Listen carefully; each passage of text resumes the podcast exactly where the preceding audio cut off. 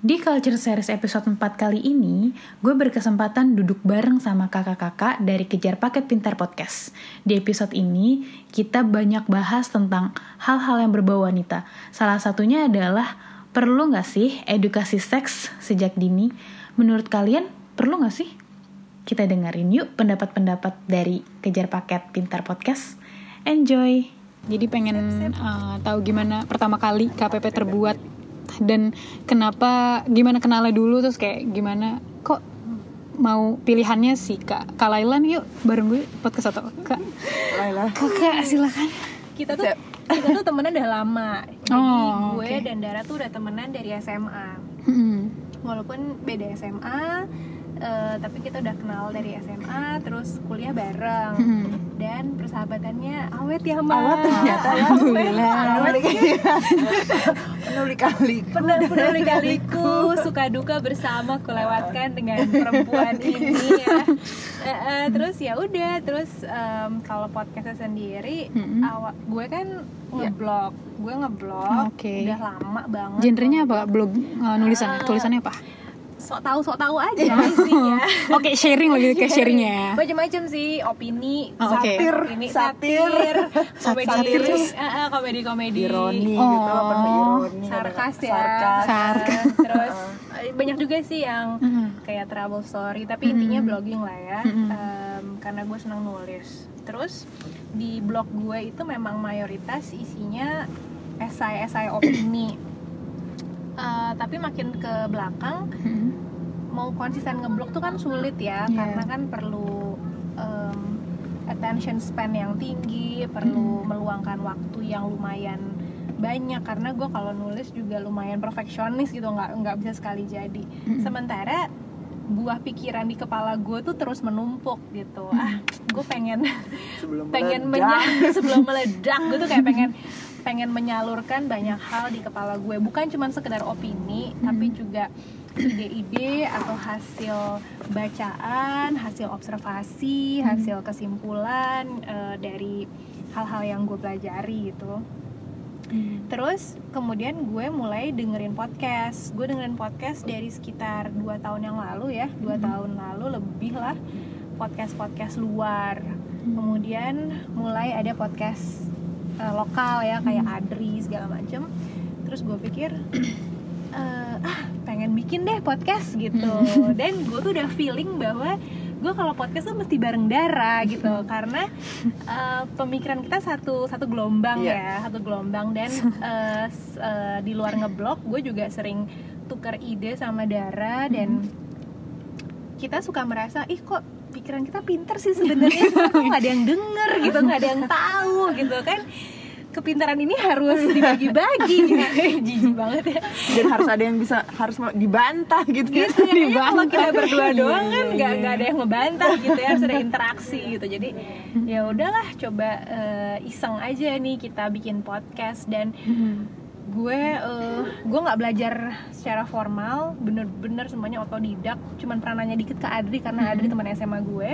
Terus eh, ya udah cuman modal handphone editing juga cuman cut cut cut doang gitu. Ya udah jadi deh. Eh kok ada yang dengerin ya? Gue mungkin nambahin dari Laila. Jadi memang betul eh, inisiatifnya dari Laila Hmm. gitu. Terus pertama kali gue diajak eh, ragu karena begitu masuk ke platform dunia internet ini eh, gue takut sekali memasuki dunia netizen ini gitu. Kenapa kita salah-salah ngomong tuh netizen bisa Ah, kejam ah. kan? Oh iya benar benar. Nah, kan ketika ngobrolin satu topik selain opini dan misalnya kita beberin fakta gitu. Nah opini ini kadang-kadang yang gue malas bertanggung jawab atas opini sendiri. Tapi kemudian karena gue juga pendengar podcast dan oh ya udah itu mah bagaimana kita mengemas dan menyampaikannya. Jadi kayak oke deh lah yuk mari gitu. Akhirnya terjadilah Terjadilah. podcast ini dengan uh, pertama kali pilotnya di kafe yang kepotong orang disapa orang. Lagi rekaman. Iya jadi kita rekaman tuh di sebuah kafe dan Oh, ini pertama kali. Iya, Pertama iya, kali. episode pertama. Kita ngomongin Game of Thrones inget banget karena kita berdua suka Game of Thrones. Kita eh, rekaman di cafe outdoor ya. Gue catat outdoor yang mana banyak anjing dan banyak motor lewat. Oh, gitu. bener, bener. wow wow gitu. Edar Ella. Tahu ada yang negor lagi tengah-tengah rekaman. Jadi udah kacau banget. Tetap aja alhamdulillah ada yang denger. Ada yang dengar. Dengar.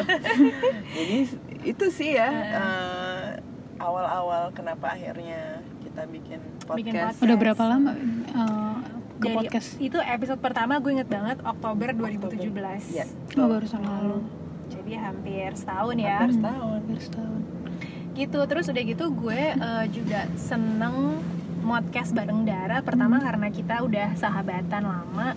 Kedua karena karena dia udah kenal gue luar dalam kita udah saling kenal luar dalam.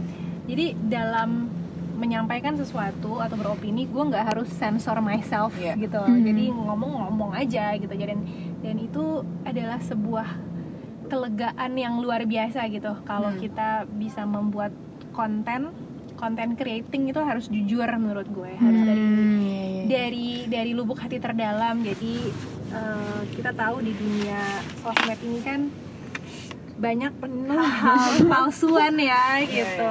Ada yang eh, terikat, sama endorsement gitu kan. Atau takut nggak enak ini itu ini itu. Tapi menurut gue being authentic dan menjadi jujur itu penting. Makanya gue eh, seneng berpartner sama Manis Uh, apa tuh namanya? Jadi uh, pas promosiin kayak misalnya kayak semua orang jadi tahu nih promosinya tuh lewat mana sih? Kayak lewat dari lewat sosial medianya ada sama Kalelaka atau teman-teman aja eh dengerin dong podcast gue. Ya sosmed sih.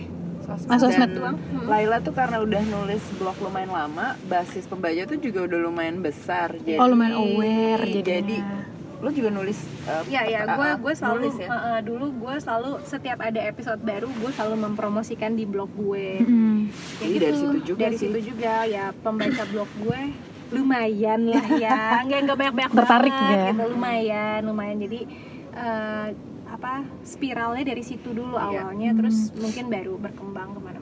Kita sih belum sampai ngeblas di WhatsApp grup teman-teman ya. Oh, kirain. Enggak, Hey, dengerin kita, ya. Aduh, nggak ada. tapi masuk ini nggak gue. podcast Indonesia di line Masuk. oh masuk. ngeblast ke situ nggak Enggak sih. nggak pernah Kenapa? enggak.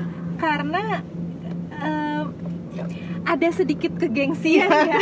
Gengsian Jadi gue gue udah ya, kita ikut itu sejak kapan? Udah lama ya? Berapa bulan yang lalu? Berapa bulan yang- sejak kita Diajakin ngobrol. buluk lah ya. Iya, Jadi uh, diajakin podcast pojok. jadi inisiatif eh, Line Indonesia itu kan eh Line Podcaster Indonesia Mhm. kan eh, dari podcast pojokan kan si Mhm. Buluk sama si Hap. Jadi adminnya tuh si Buluk. Nah, mereka eh, dia yang ngajakin kita masuk ke Mhm. grup itu dan gue akui itu grupnya eh, informatif banget Mhm. karena banyak informatif banyak informasi-informasi teknis, Mhm. informasi marketing gitu ya yang bisa kita dapatkan dari grup Mhm. itu dan tapi eh, hampir semua podcaster di situ pasti ngeblast tiap ada episode baru dan saking banyaknya jadi kayak nge-spam gitu Hmm. gitu jadi Iya, iya, aduh iya. kayak kita nggak ikut ikutan deh nge-spam Iya, iya, gitu iya. jadi gue dan lagi-lagi gue percaya asal konten lo bagus lo pasti akan dinotis Didengar. orang Nah, Oke. pasti lo akan eh, dunia maya akan menotis lo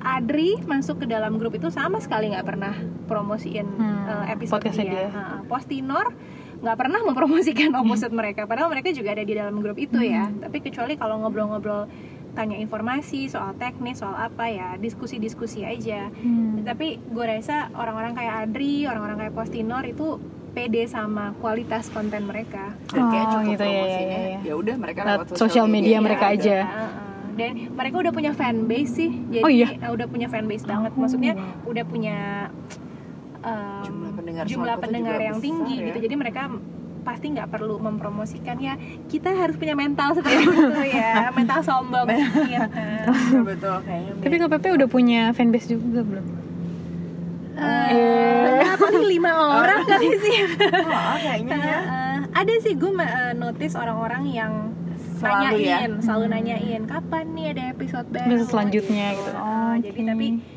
ya dibanding Adri sama Postinor Iya. mah. juga kalau misalnya di di SoundCloud a- ada yang selalu komentar di beberapa episode tuh sama gitu orangnya gitu Oh, Kayak, gitu. mungkin nih Oh jadi apa notice ya, nih orangnya sama nih kayak eh, episode karena sebelumnya. namanya sama kan gitu jadi kayak oh mungkin dia selalu dengerin Dengar. ya gitu Mm. gitu sih gitu aja sih. Wow, ini ya. Jadi dari sahabat ya kan? Iya, Dari sahabat. Sahabat ngemeng. sahabat ngemeng terus eh, Tapi pernah eh, pernah ini nggak kolaps ininya eh, po- eh, podcastnya? Kolaborasi Iya gitu. kolaborasi gitu. Eh, paling sama podcast pojokan ya. Oh pernah. Eh, kita pernah diwawancara sama podcast pojokan. Mm-mm. Jadi eh, masuk episode mereka dan kita repost. Mm-mm. Paling itu sih yang bisa kita sebut kolaborasi dalam KPP ya. Mm-mm. Terus berikutnya kita kolaborasi sama Inspigo. Inspigo. Iya. itu yang baru mungkin konten diobrolin bersama ya kalau Iya. sama podcast pojokan kan memang interview. interview, interview. gitu Nah, kita kalau kalau Inspigo itu kita benar-benar kolaborasi dalam artian Inspigo memberikan platform Mhm. buat kita untuk menciptakan sebuah episode, sebuah konten dan kontennya kita yang tentuin gitu. Hmm. Em, sisanya sih nggak ada ya, palingan kita wawancara orang. kita wawancara orang Oh, sih cara orang. Wawancara orang. memulai wawancara orang Tapi pernah nggak mau mau mau kolaborasi gitu sama misalkan sama Adrian Adriana Colby atau Postinor? Mau sih. ya. Mau sih, Hanya.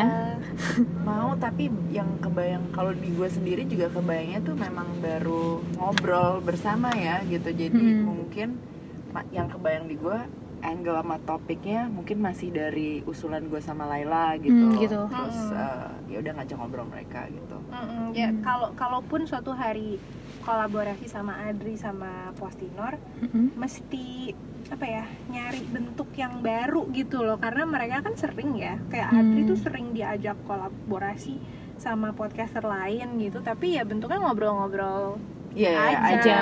gitu dan yang topiknya bisa melebar ke mana-mana gitu kita ya kalau gitu-gitu lagi mah ya Mm-mm. bukan sesuatu yang baru ya gitu jadi pengen gitu. pengen cari bentuk yang baru gitu pelan-pelan sih gitu ya Nah. pengennya Hmm. kalau mikirin kolaborasi sama podcaster lain Hmm. gitu dan ketimbang sama podcaster lain kita sebenarnya lebih tertarik untuk mewawancara tokoh-tokoh yang gemes gitu ya. Ah, contohnya tuh? Hotman Paris. Oh, pengen banget. sumpah Banget, sumpah. banget Pengen banget, pengen banget wawancara dia. eh pengen Kenapa banget gue udah punya uh, nomor telepon dia ya dari Oh, iya? Udah punya nomor telepon dia. Wow. karena kita tuh gemes ngeliat dia di Instagram tuh hidupku. Bener-bener karena eh, ini banget ekstravagan gitu menurut gitu. Dan cara dia memperlakukan perempuan kan Iya. buset Tapi kan kayaknya kelihatannya wanita-wanita yang diperlakukannya terlihat senang gitu. Misteri kan Iya, makanya itu pengen dia. pengen ditanyain kan nah Bener itu jadi juga, bener, eh, bener. di dunia ini masih banyak tokoh-tokoh yang penasaran untuk kita gali gitu Hmm. jadi jadi wawancara sama eh sorry collab sama sesama podcaster sih oke cuman Kayak lebih pengen interview kayak lebih ya. pengen interview maksudnya ada Iya. banyak yang gemes-gemes lainnya gitu Hotman Paris, waduh. Oh kalau beneran ada sih. kalau bisa baru semua pengen pengen nanya udah takut sih Nanti diajak joget bareng deh. udah masuk tabungan keinginan iya tabung Tabungan keinginan. Tabungan ide Berarti episode-episode berikutnya Mm-mm. iya, cewek-cewek yang sama Hotman Paris itu itu ya.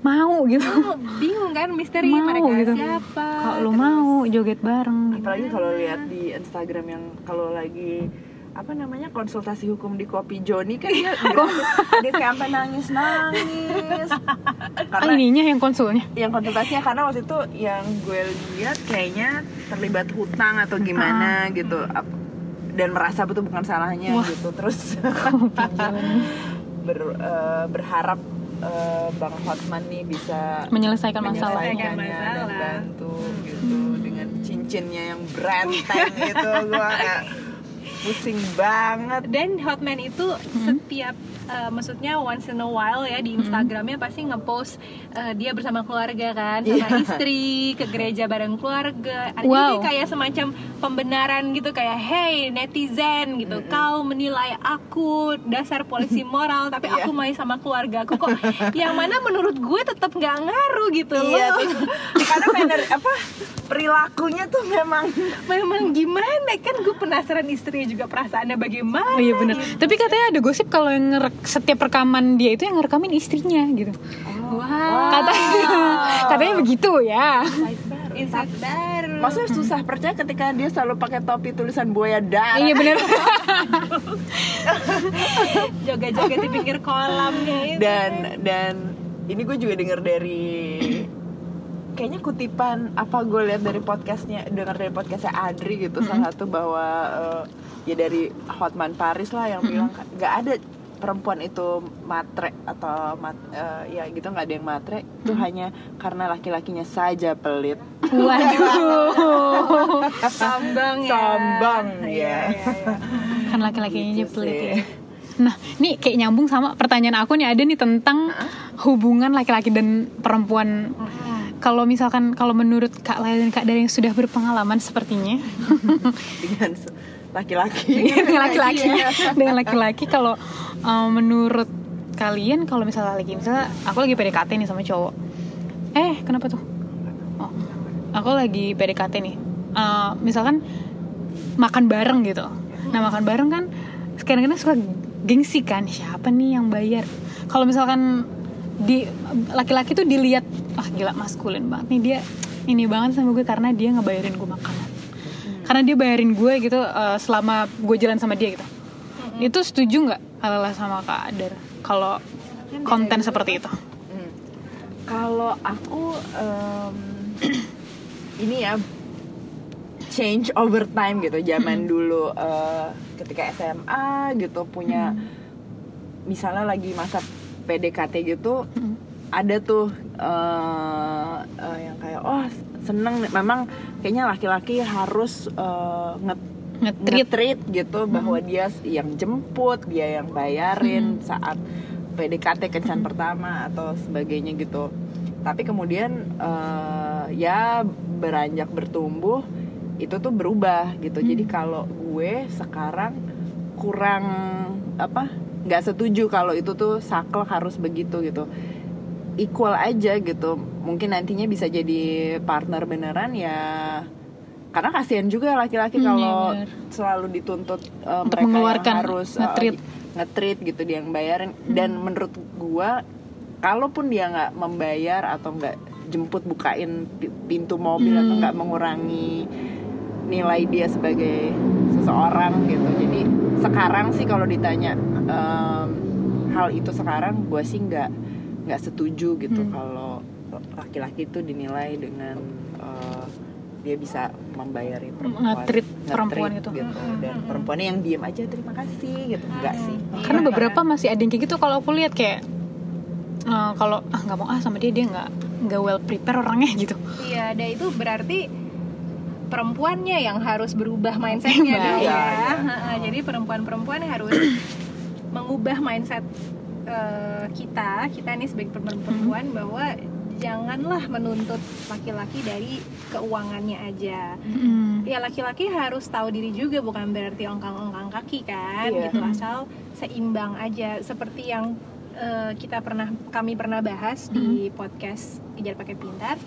Kalau pola pikir seperti ini dipiara, perempuan jadi nggak punya ambisi untuk eh, berkarir dan apa namanya menghasilkan uang gitu ya dengan dengan dengan jauh ke depannya gitu. Karena nanti kita punya mindset ah ya sudahlah nikah aja. Habis nikah eh, bergantung pada suami, Suami. aja gitu. Kalaupun Iya, iya, kerja iya. ya buat aktualisasi aja lah nggak usah ambisius ambisius amat gitu. Padahal dalam dunia dalam industri dalam korporat itu masih banget diperlukan perempuan-perempuan di level atas gitu. Hmm. perempuan itu kadang banyak perempuan yang berhenti di level tertentu. Misalnya di level manajerial gitu ya. Hmm. nggak jarang yang bisa nembus terus sampai atas sampai CEO terus gitu ya. Sampai em, pemimpin perusahaan gitu. Karena kepentok banyak hal dan mereka juga ayo udahlah udahlah nggak usah ambisi-ambisi banget lah. Toh ada suami misalnya. Hmm. toh gue harus ngurus rumah.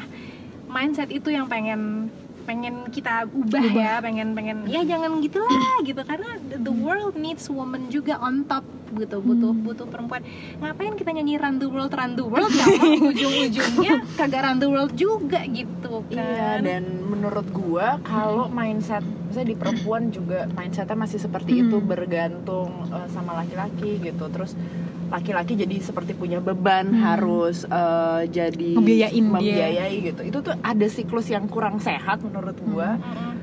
karena jadi either nanti laki-laki kan gua yang eh, ya jadi mendominasi gitu. Terus Oke, kesannya eh, kita nggak punya hak dalam beropini ketika misalnya taruh dia berumah tangga gitu. Dan mindset itu udah terinternalisasi gitu bahwa gue provider laki-laki provider. Jadi apa pun keputusan dalam rumah tangga ini gue yang lebih berhak.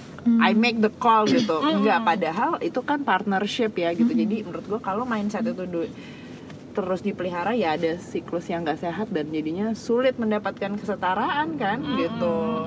Gue juga nggak bilang kalau misalnya eh, maksudnya secara fisik atau ini sih memang ada per- laki-laki perempuan berbeda ya gitu. Iya. misalnya kekuatan fisik atau apa tapi ya sama tuh saling complementary aja gitu loh. Di posisinya setara Iya. gitu. Gitu sih. Kita harus mendekonstruksi gender role Ya. si uh, j- uh, peran peran gender gitu. Apa sih peran perempuan? Oh di rumah oh masak oh beranak. Suami apa sih? Oh kerja. Enggak enggak. Itu harus harus diganti. Harus harus Mm-mm.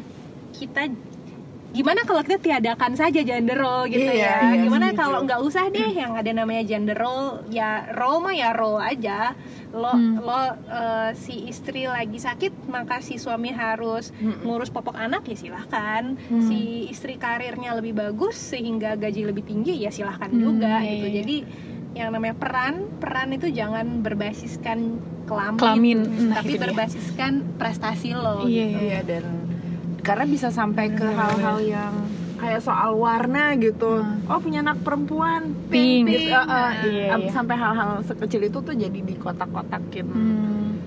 Kesannya kalau ketika anak laki-laki suka pink langsung Oh, negatif ininya ya eh, bahwa dia mengurangi nilai dia seorang Laki-laki. gitu. dan iya dan gue pun juga harus practice what I preach ya Iya. Mm-mm. anak gue laki jadi Mm. kalau dia misalnya menunjukkan ketertarikan pada hal-hal yang dianggap feminin gue harus gue nggak boleh melarang gue nggak boleh freak out lah ya. Contoh tadi di rumah gue lagi nontonin instastory makeup artis lagi dandan. Iya.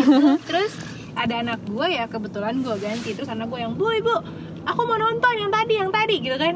Ini orang dandan. Ya nggak apa-apa aku mau nonton. Ya udah gue gue harus gue kasih aja. Udah nih nih nonton aja lihat aja gitu.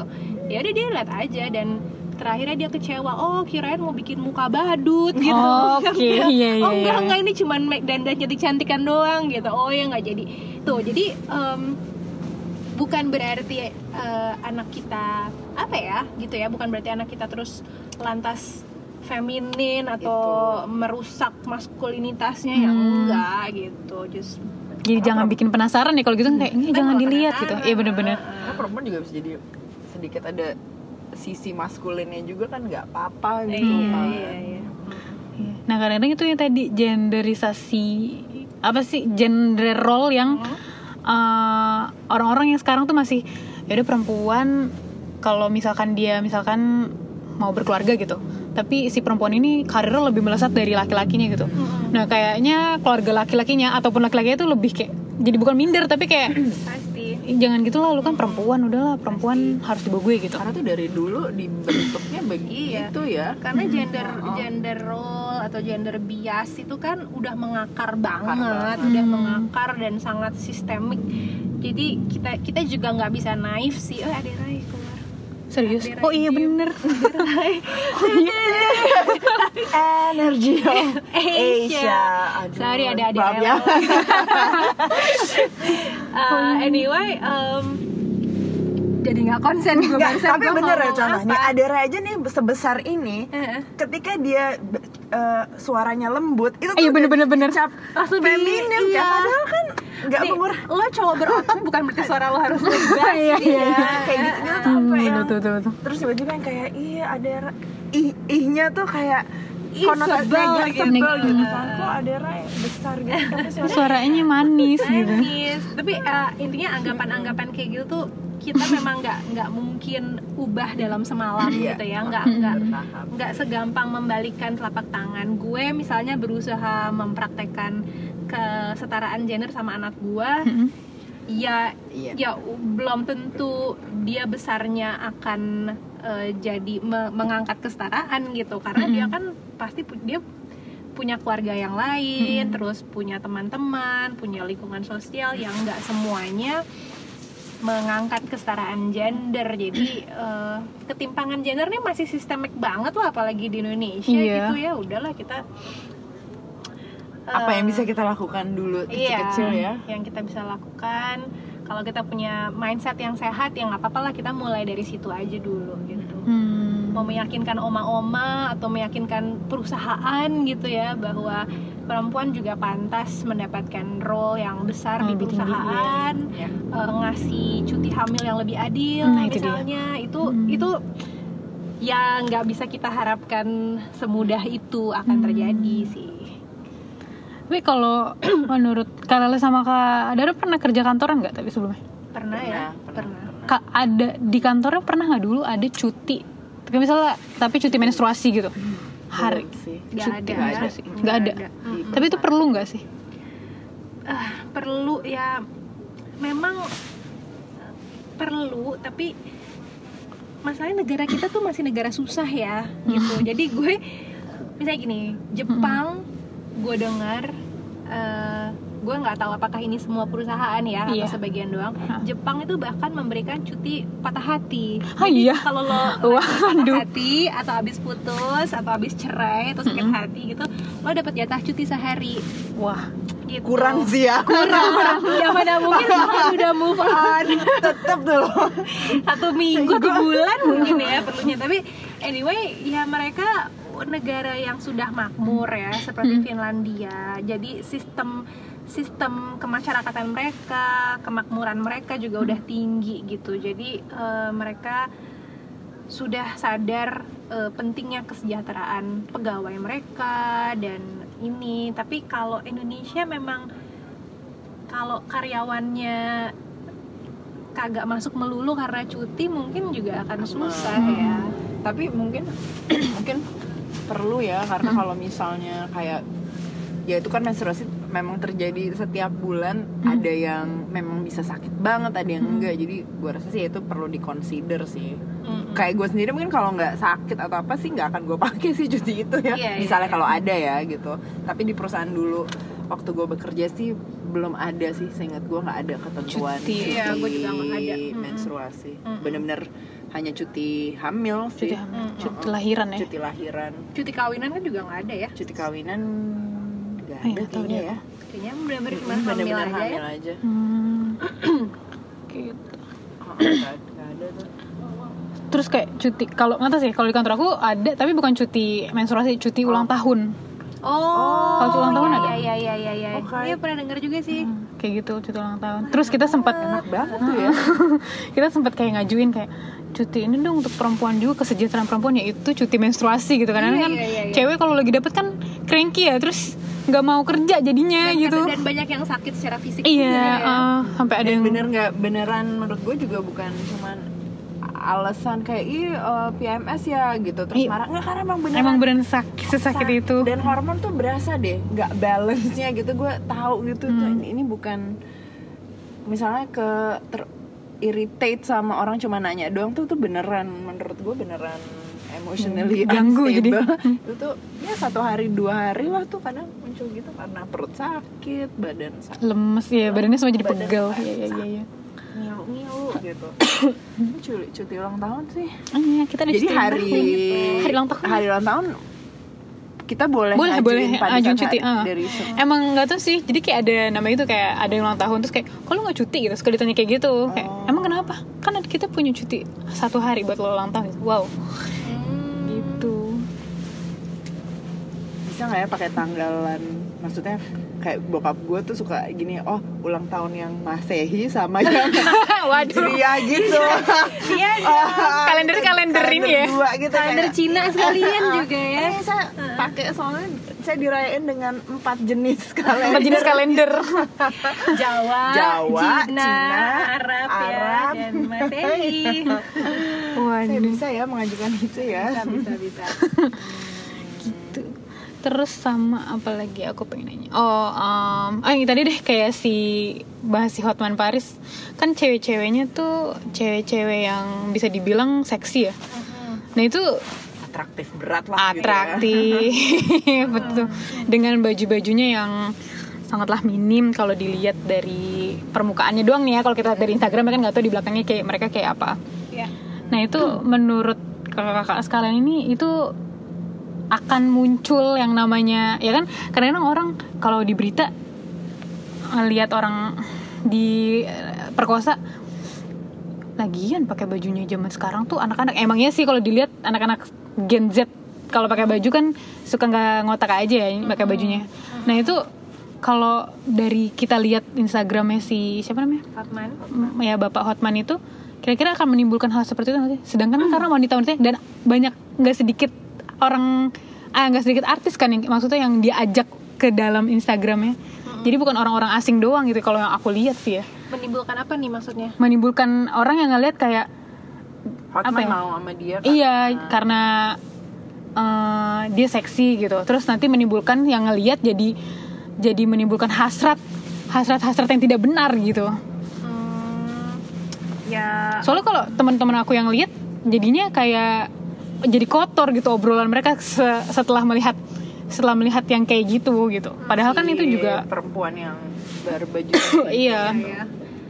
Kalau menurut gue eh, orang cowok-cowok kita itu nggak usah diumpanin eh, cewek-cewek ala cewek-ceweknya Hotman aja ya, tapi eh, diumpanin cewek yang biasa aja. Menurut gue sorry banget nih ya, tapi dari perspektif gue laki-laki di Indonesia pada umumnya tuh masih seksisnya tuh minta ampun, Hmm. masih sangat seksis.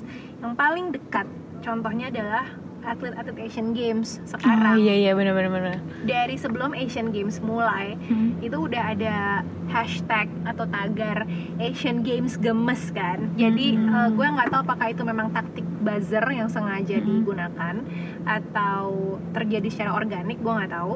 Gue curiga sih yang pertama ya. Jadi Hmm. itu mereka eh, beberapa buzzer-buzzer gitu atau seleb tweet membahas soal atlet-atlet Asian Games dengan hashtag itu Hmm. dan ngomonginnya ya atlet yang cantik gitu yang dan Hmm. yang di highlight tuh ya cantiknya duluan bukan prestasinya bukan prestasinya tapi kemudian belakangan kan banyak yang menghujat terus Hmm. baru deh atlet-atlet lain yang nggak secantik yang lain-lain itu dibahas, Hmm. Dibahas. baru mulai ngomongin prestasi dan mereka berkelit gitu mereka Hmm. ngeles bahwa enggak kok ini kan untuk ini adalah bentuk kita mendukung eh, Asian Games Hmm. terus nah lo udah gimana cara dukungan lo. Jadi malah ngebalikin pengkritiknya gitu kan. Hmm.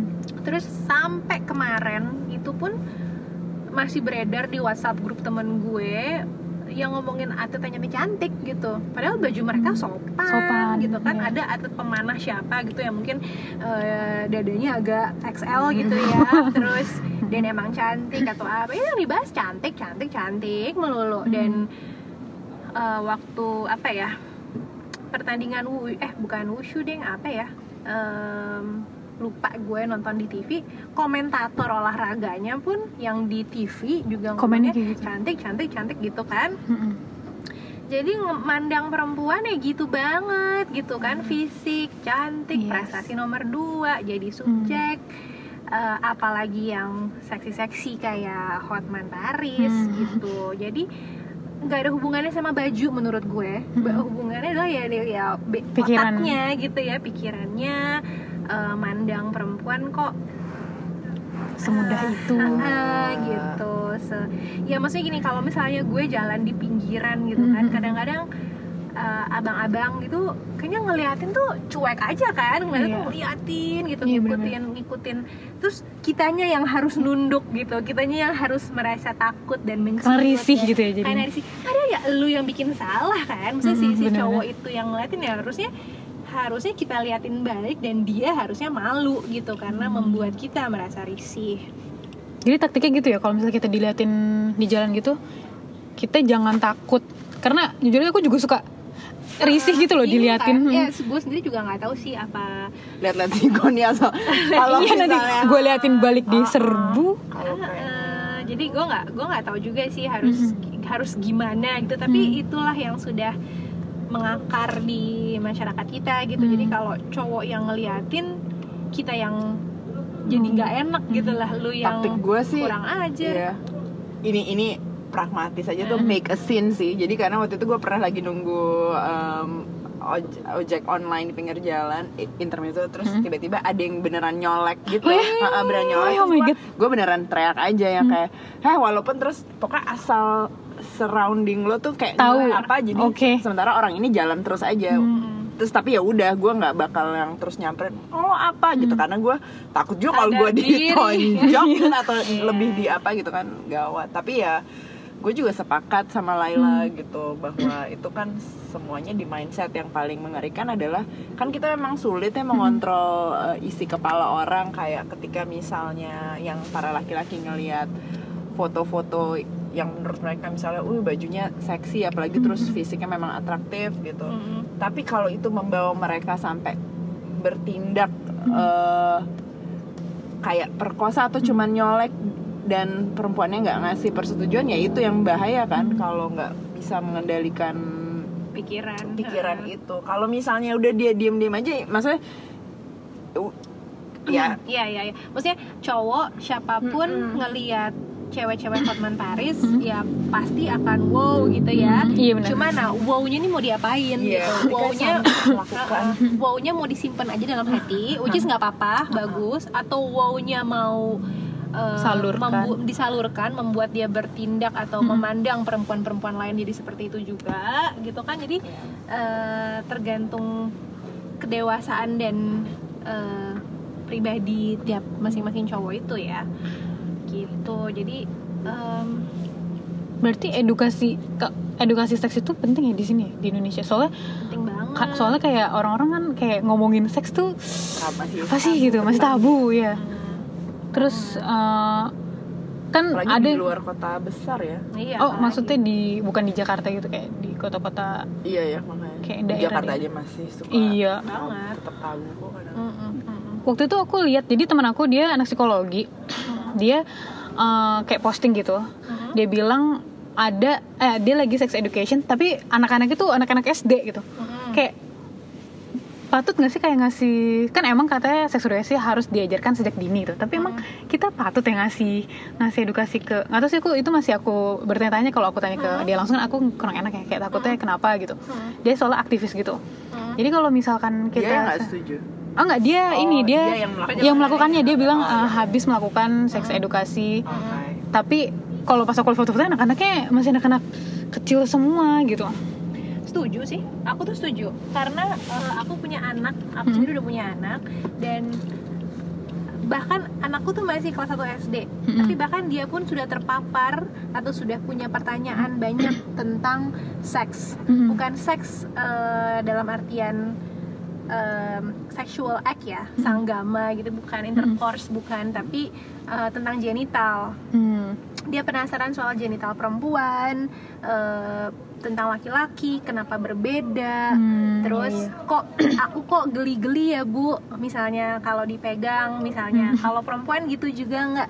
Itu kan pertanyaannya ini banget ya Hmm. curiosity tinggi gitu. Jadi Dan- itu itu baru kelas 1 SD loh. Hmm. jadi gue rasa sex education itu sangat nggak apa-apa dari SD Hmm. cuman ya materinya disesuaikan. Sex education kan bukan berarti pendidikan tentang intercourse. Hmm, iya, intercourse iya, itu ya bisa diajarin nanti SMA misalnya gitu. Tapi eh, untuk pengenalan genital dan yang terpenting adalah cara kita own Penyampaian. our body.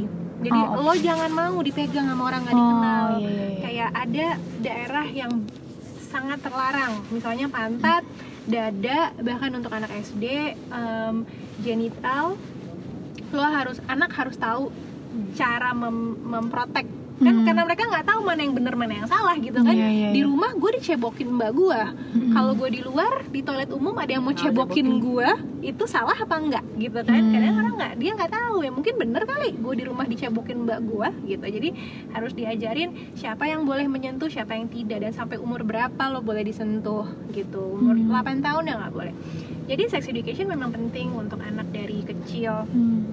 eh, seksualitas ya karena seksualitas itu bukan cuman intercourse. Mau keluar ya? Kaos dulu ya. Ya. Kenapa aja Sorry gue lagi bisnis kaos mah Iya, iya, Ini jangan nih. Nah, terus eh, apa tadi? Ya gitu. Jadi em, pendidikan seks itu penting banget tapi belum belum ada berapa nggak usah pendidikan seks itu penting tapi belum belum dipraktekkan secara menyeluruh dan dengan baik di Indonesia. Jangan lupa seks sama sexuality itu beda. Kalau seks Hmm. ya seks gitu ya intercourse. Kalau sexuality itu kan menyangkut eh, gender, menyangkut erotisme, menyangkut apalah ya tubuh gitu lebih luas. Dan itu tuh kita harus tahu harus karena eh, kalau pendidikan seks kita nggak bener itu itu yang jadi akar perkosaan Hmm. nanti. Terus akar em, pelecehan pola pikirnya tuh salah terhadap tubuh perempuan kayak gitu gitu sih. Ada yang ditambahkan mungkin ibu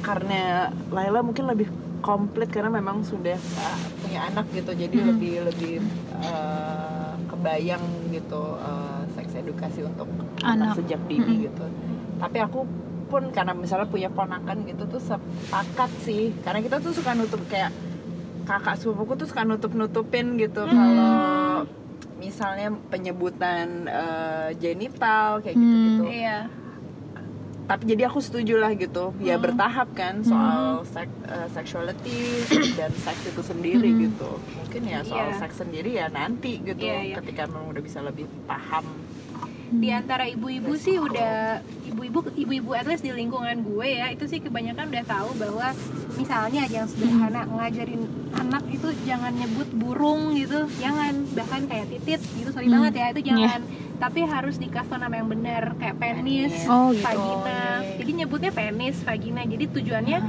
kalau dia diapa-apain Hmm. di mana pun di seluruh dunia dia bisa melaporkan atau menceritakan dengan benar penis saya diapain vagina saya diapain Hmm, gitu iya, kalau iya, pakai iya. bahasa-bahasa istilah itu em, orang nggak nangkep gitu Hmm. maksudnya anak ini kenapa tapi gue ada cerita lucu ya kan gue punya anjing ya dan anjing Mm-mm. gue semuanya tuh betina Mm. gitu terus em, waktu itu ponakan gue lagi main terus anjing suka minta dielus Elus. perutnya kan? Terus terus nanya bagian eh, genital si anjing ini gitu. Oh ini eh, alat kelaminnya gitu ini Hmm. vaginanya gitu. Terus dia belum nggak terlalu familiar dengan nama ini biologi vagina alat kelamin apa oh gini. Terus dia nanya berarti punya kamu kayak gini juga? Bentuknya beda ya nggak gini-gini amat sih bentuknya. Coba tanya ibu. Gitu itu mirip ya. Apakah punya kumis seperti anjing. Ya yang penting kelakuan jangan Iya, di maaf ya. Iya. ya tapi itu kan juga bukti bahwa anak kecil penasaran Penasaran, iya, benar. Ah, jadi perlu ada Tapi sex education Sex education. Nah, terus gue tadi juga baca di uh, artikel di Magdalene Hmm. kenapa orang kenapa di Indonesia tuh suka tabu sama yang namanya pendidikan seks Hmm. karena karena kebentur moralitas gitu loh jadi Hmm, gini, iya. kita orang tua orang tua tuh menganggap kalau orang tua ngajarin anak tentang seks atau pendidikan seks itu dianggapnya orang tua itu menyetujui perbuatan seks Hmm. kayak ya oke lo boleh misalnya ibaratnya Ya. ya takutnya anaknya nangkep oh gue boleh nih seks di luar nikah sama orang tua gue gitu Hmm. padahal nggak begitu gitu Iya. ya nggak begitu itu beda lain Beda, satu uh-uh. lagi ya. Semua orang pasti punya moralitas dan kita harus hargai itu. Tapi jangan jangan dianggap tabrakan sama pendidikan seks gitu. Karena oke kekhawatiran lo apa sih? Lo nggak mau ngajarin anak lo tentang seks lo takut anaknya ntar melakukan gitu ya takut melakukan seks bebas. Tapi kalau lo nggak ngajarin anak lo tentang seks akibatnya apa? Akibatnya dia akan belajar dari porn dia akan Iya. belajar dari Hmm. bokep. Dan uh, potensi kayak perkosaan pelecehan yang itu tuh lebih besar kekerasan tuh akan lebih besar. Jadi lebih berat mana nih gitu ya? Kira-kira mana yang kira-kira bisa lebih di eh, di, di dicegah gitu ya gitu. Hmm. kurang lebih kayak gitu. Soalnya kok gue penasaran juga sih kayak lo kok anak dia edukasi seks tapi sama anak-anak kecil gitu. Nanti kalau ada pertanyaan kan ya gitu tadi kayak pertanyaan-pertanyaan anak kecil kan suka yang "Eh, gimana ya cara jawabnya gitu.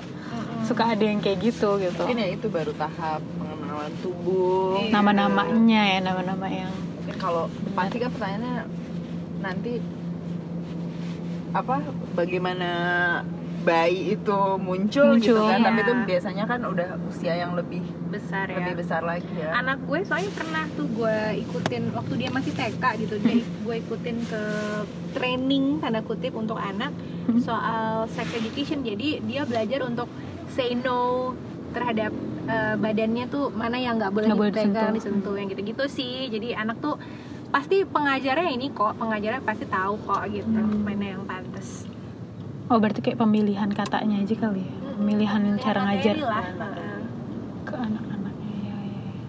soalnya kalau aku ya itu tadi kayak kok boleh eh, ngajarin edukasi anak kecil sedangkan eh, orang yang misalnya udah dewasa gitu kayak seks edukasinya ada yang dibilang kurang gitu karena dia ngomongin apa dikit ah ngomong apa sih ya maksudnya itu kan bukan kita porno ya ngomonginnya karena ya itu as an education aja gitu kayak gue kita sharing gitu kayak bukan ngomongin yang hal-hal jorok tapi maksudnya kita sharing karena ya maksudnya udah segede gini kalau ngomong gitu masih aneh sih gitu iya, maksudnya. iya. ini kan nah takutnya uh, ya kayak gitu karena sekarang teman-teman aku rata-rata kayak gitu. Jadi kalau misalnya ada yang ngomongin ini dikit "Ah, nggak mau nggak mau denger gitu.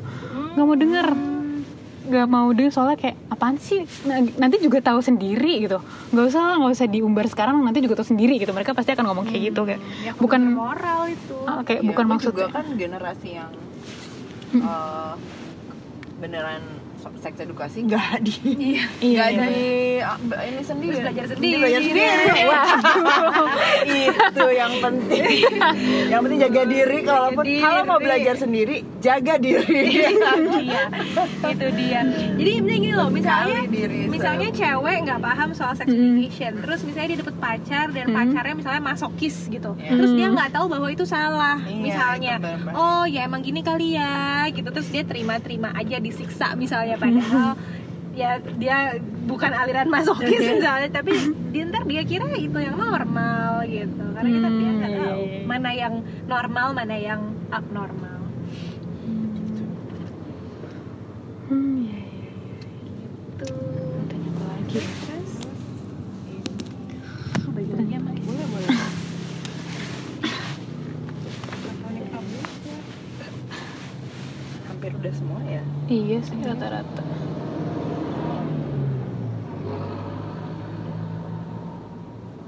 Sama kayak oh ya kayak eh, ini pertanyaan di luar aja sih kayak aku tadi mikir kalau eh nggak tahu sih ini ada di list pertanyaan aku atau enggak tentang kerja seksual. Kerja yang mm, kalau misalkan kan pekerja seksual nggak harus nggak harus eh nggak tahu sih ini aku nilai ya nggak harus lamanya dia having sex with somebody else.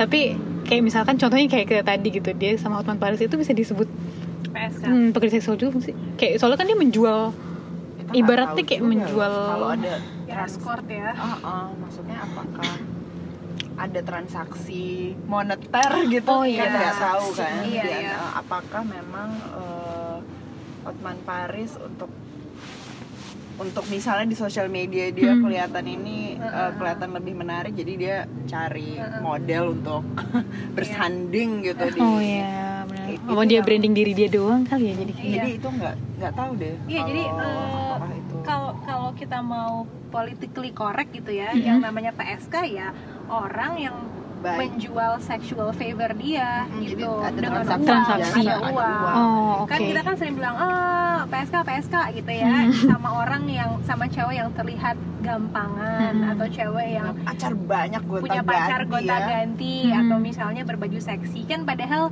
bukan itu Iya. definisi uh, PSK gitu ya Hmm. PSK ya ada transaksi uang uh, dan sexual act-nya apa kita juga nggak bisa definisiin Mm-mm. Apakah intercourse Hmm. apakah pegang-pegang doang Ah. gitu uh, atau apakah um, ada sexual favor gitu ya yang dilakukan kita juga kita nggak tahu apaan Hmm. gitu deh terus Gitu. ya jadi yang yang ditampilkan ya kayak lo bilang yang ditampilkan Hotman Paris ya siapa tahu cuman kayak gitu doang sih cuman pajangan doang pajangan Iya, buat nge-branding dia Mm-mm.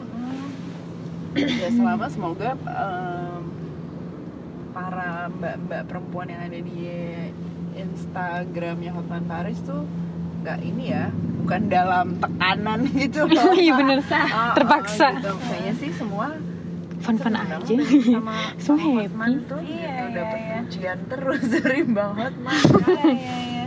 gitu sih Hmm. maksud gue juga Mm-mm.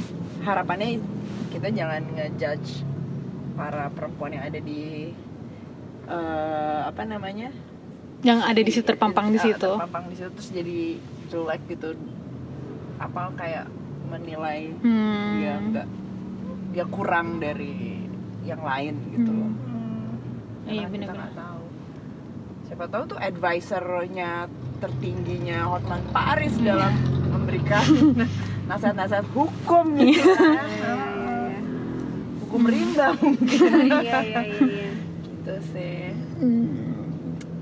Aku tunggu deh kak podcastnya sama Hotman Paris Iya. kalau jadi beneran pengen pengen pengen takut pengen gitu ya pengen takut takut iya. penasaran juga sih pandangan Hotman Paris terhadap feminisme, gender equality, Iya, gender iya, iya. role gitu kan. Iya. Karena kan soalnya kalau ngeliat Hotman Paris emang stereotypical laki-laki deh. Di sini gitu ya. Oh, Iya, oke. iya. karena banyak orang yang cuma branding kayak kalau denger-denger dulu gosipnya kan Paris Hilton misalnya denger-denger sebenarnya pinter banget Oh, gitu. iya. cuman dia play dumb blonde kan. Dia di di di di media memerankan dirinya sebagai cewek bego karena itulah yang laku gitu yang bisa menjual. Kita juga nggak tahu sama Hotman Paris gimana. Siapa tahu dia setia banget sama istrinya mungkin gitu kan atau family man banget cuman dia memang membentuk uh, branding atau karakter yang sama cewek-cewek dan emang senorak mungkin Iya. gitu ya kayak Richard Mulyadi kan gue rasa itu memang dia sengaja norak kayak gitu ya Hmm. kalau ada yang tahu Richard Rich.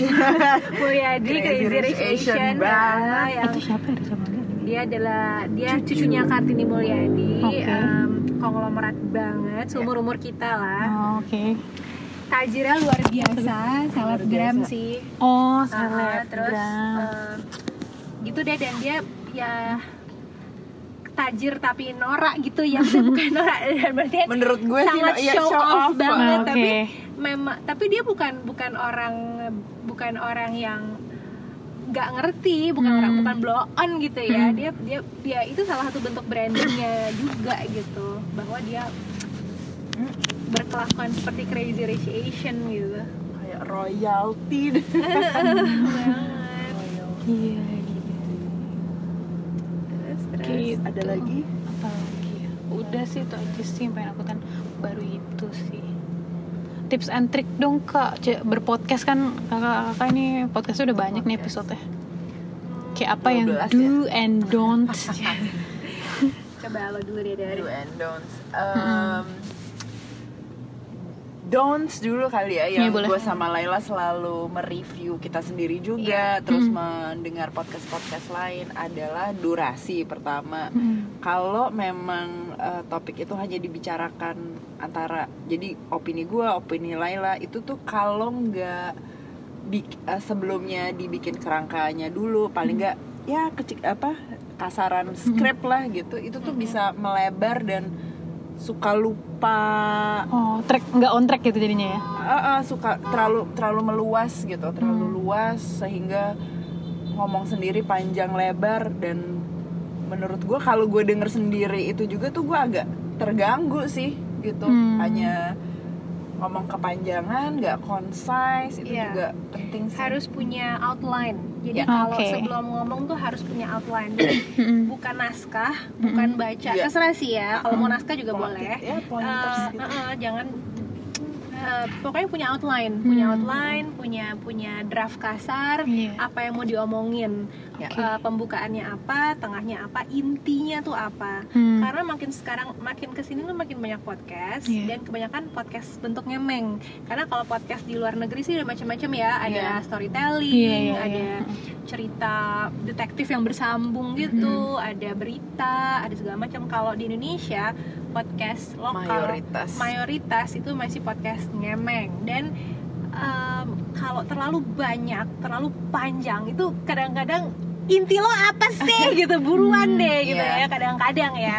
Ada yang ada yang bisa mempertahankan em, retention atau attention orang kayak Adri tuh dia tuh bisa 70 menit terus orang masih setia Iya, masih gitu dengerin. kan, gitu gue gue aja nggak pernah sampai selesai dengerin Adri cuman dia pasti punya skill tertentu yang bisa bikin orang betah dengerin Hmm. satu jam lebih tapi dan kan dia sendirian lagi misalnya dia kan. sendirian dia nggak berdua kayak Postinor tapi nggak semua orang punya skill itu gitu jadi Hmm. menurut gue eh, ini juga kita sadari belakangan ya maksudnya Iya. kalau bisa to the point to the point gitu to the point to the point yang namanya lucu-lucu apa itu jadi bumbu sambil berjalan aja Hmm. jadi mesti punya outline sih dan kalau misalnya ngobrolin topik eh, yang lagi topik apa pun ya terus Hmm. terkait eh, ya berita di luaran mungkin juga riset diperkuat ya riset lah ya penting itu dia Riset diperkuat. Hmm, Gak harus yang gimana cuman ya Hmm, riset hmm. dari beberapa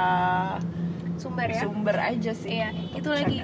kalau kita cuma mau ngasih opini opini itu Iya. mudah banget Iya. jadi Hmm. semua orang pasti punya opini tapi seberapa valid opini lo jadi Oh, kan iya, kita iya, pengennya bener-bener. pengennya pendengar tuh mendapatkan faedah ya Hmm. Eh, oh mendapatkan informasi baru mendapatkan pengetahuan baru dan pengetahuan itu akan ada kalau ada informasi yang valid Hmm. jadi sebelum ngemeng silahkan backup emengen lo dengan eh, dengan riset risetnya juga nggak usah serius-serius banget ya. Hmm. tapi ada sesuatu yang membackup omongan lo gitu dan misalnya tanda kutip ingin mencemooh gitu Iya. tindakan atau apalah policy nyela pengen gitu. nyela gitu itu sebaiknya juga di Ada base-nya. ada base nya gitu kenapa Hmm. sampai lo pikir itu nggak cocok atau itu jelek Eh, gitu kasih contoh ya misalnya Mm. ada yang waktu itu ada podcast tentang Asian Games Hmm. Oh, iya. dan si si podcaster ini nggak suka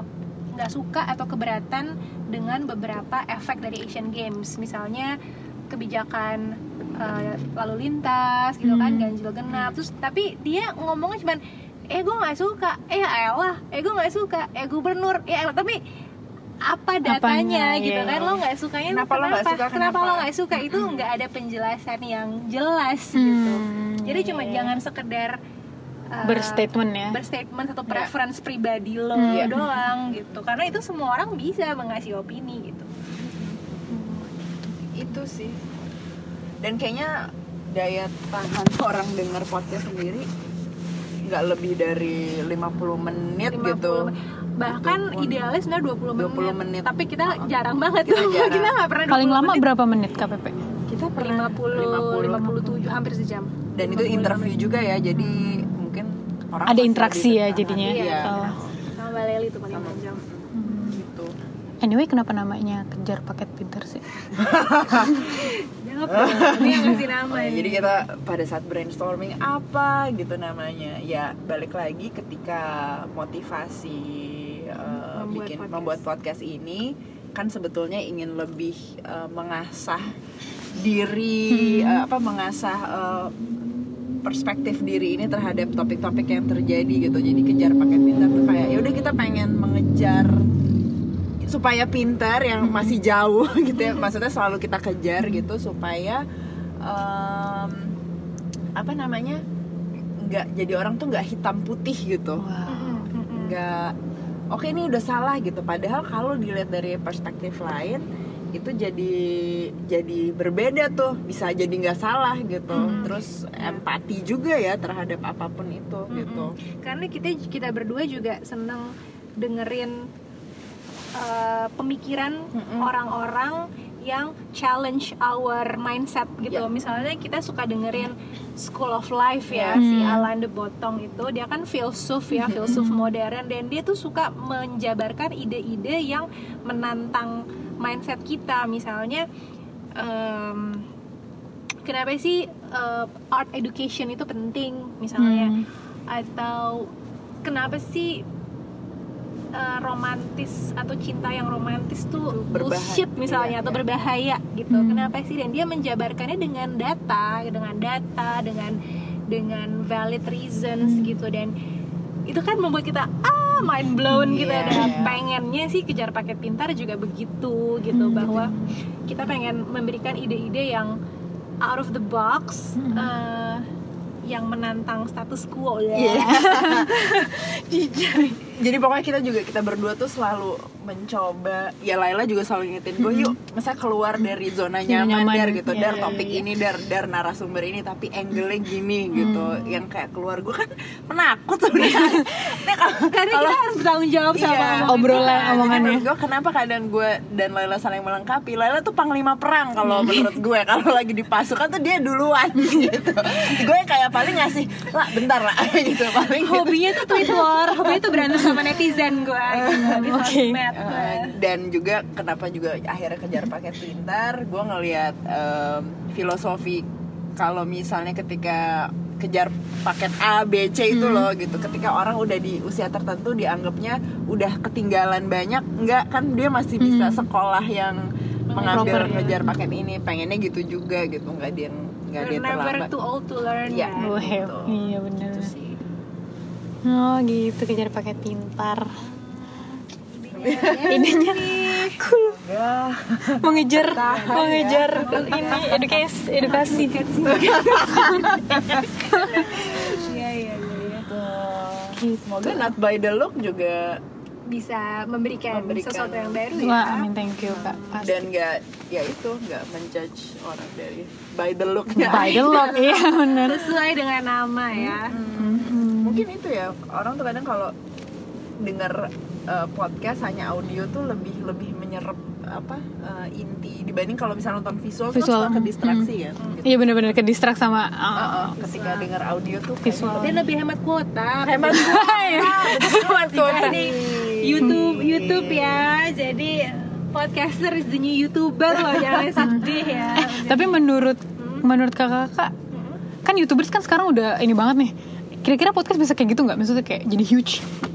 bisa ya sih menurut gue menurut gue itu bisa Heeh. kalau uh, didukung oke pertama konten harus bagus ya Iya, konten, kedua benar. Harus didukung sama industri sih maksud gue vlogger atau youtuber tuh kan mulai gede ketika udah di endorse Endorse, brand betul. jadi Oh, iya, iya, dibantu ya di boost sama brand-brand besar gitu di didanai di endorse di Jadi duit, ya. dipromosikan gitu kan jadinya uh, youtubernya juga jadi makin kreatif dalam membuat konten Mhm. dan penyebarannya juga makin luas gitu. Nah, youtuber itu udah bisa dapat duit karena di, Mhm. di- udah jadi bisa jadi penghasilan ya, jadi jadi mata pencaharian karena didukung sama industri. Tapi podcast tuh belum belum didukung sama industri. Jadi bisa kalau ini sekaligus nih kita please dong ada yang endorse Endorse di dalam podcast ya, adlibs ini. di dalam podcast. Iya. Oh, not by the look nanti Oh bisa bisa bisa bisa. Boleh. Boleh banget. duit tapi Boleh banget. Iya, iya. Ya, bayar ya platform bayar ya Waduh. kan, kan? coba uh, mau sana the look bayar kan Iya iya. Heeh. Iya iya bener. semoga ya bisa menambah keragaman Iya. Dunia maya. Dunia maya ya betul nggak cuma YouTube dan sosial media doang, tapi punya audio audio ek. Baiklah kalau seperti itu ada yang boleh tambah lagi nggak kak? Udah sih ya. udah ya kayaknya. Ini mari kita sudahi. Oke. oke Bye, thank you kak. nanti tuh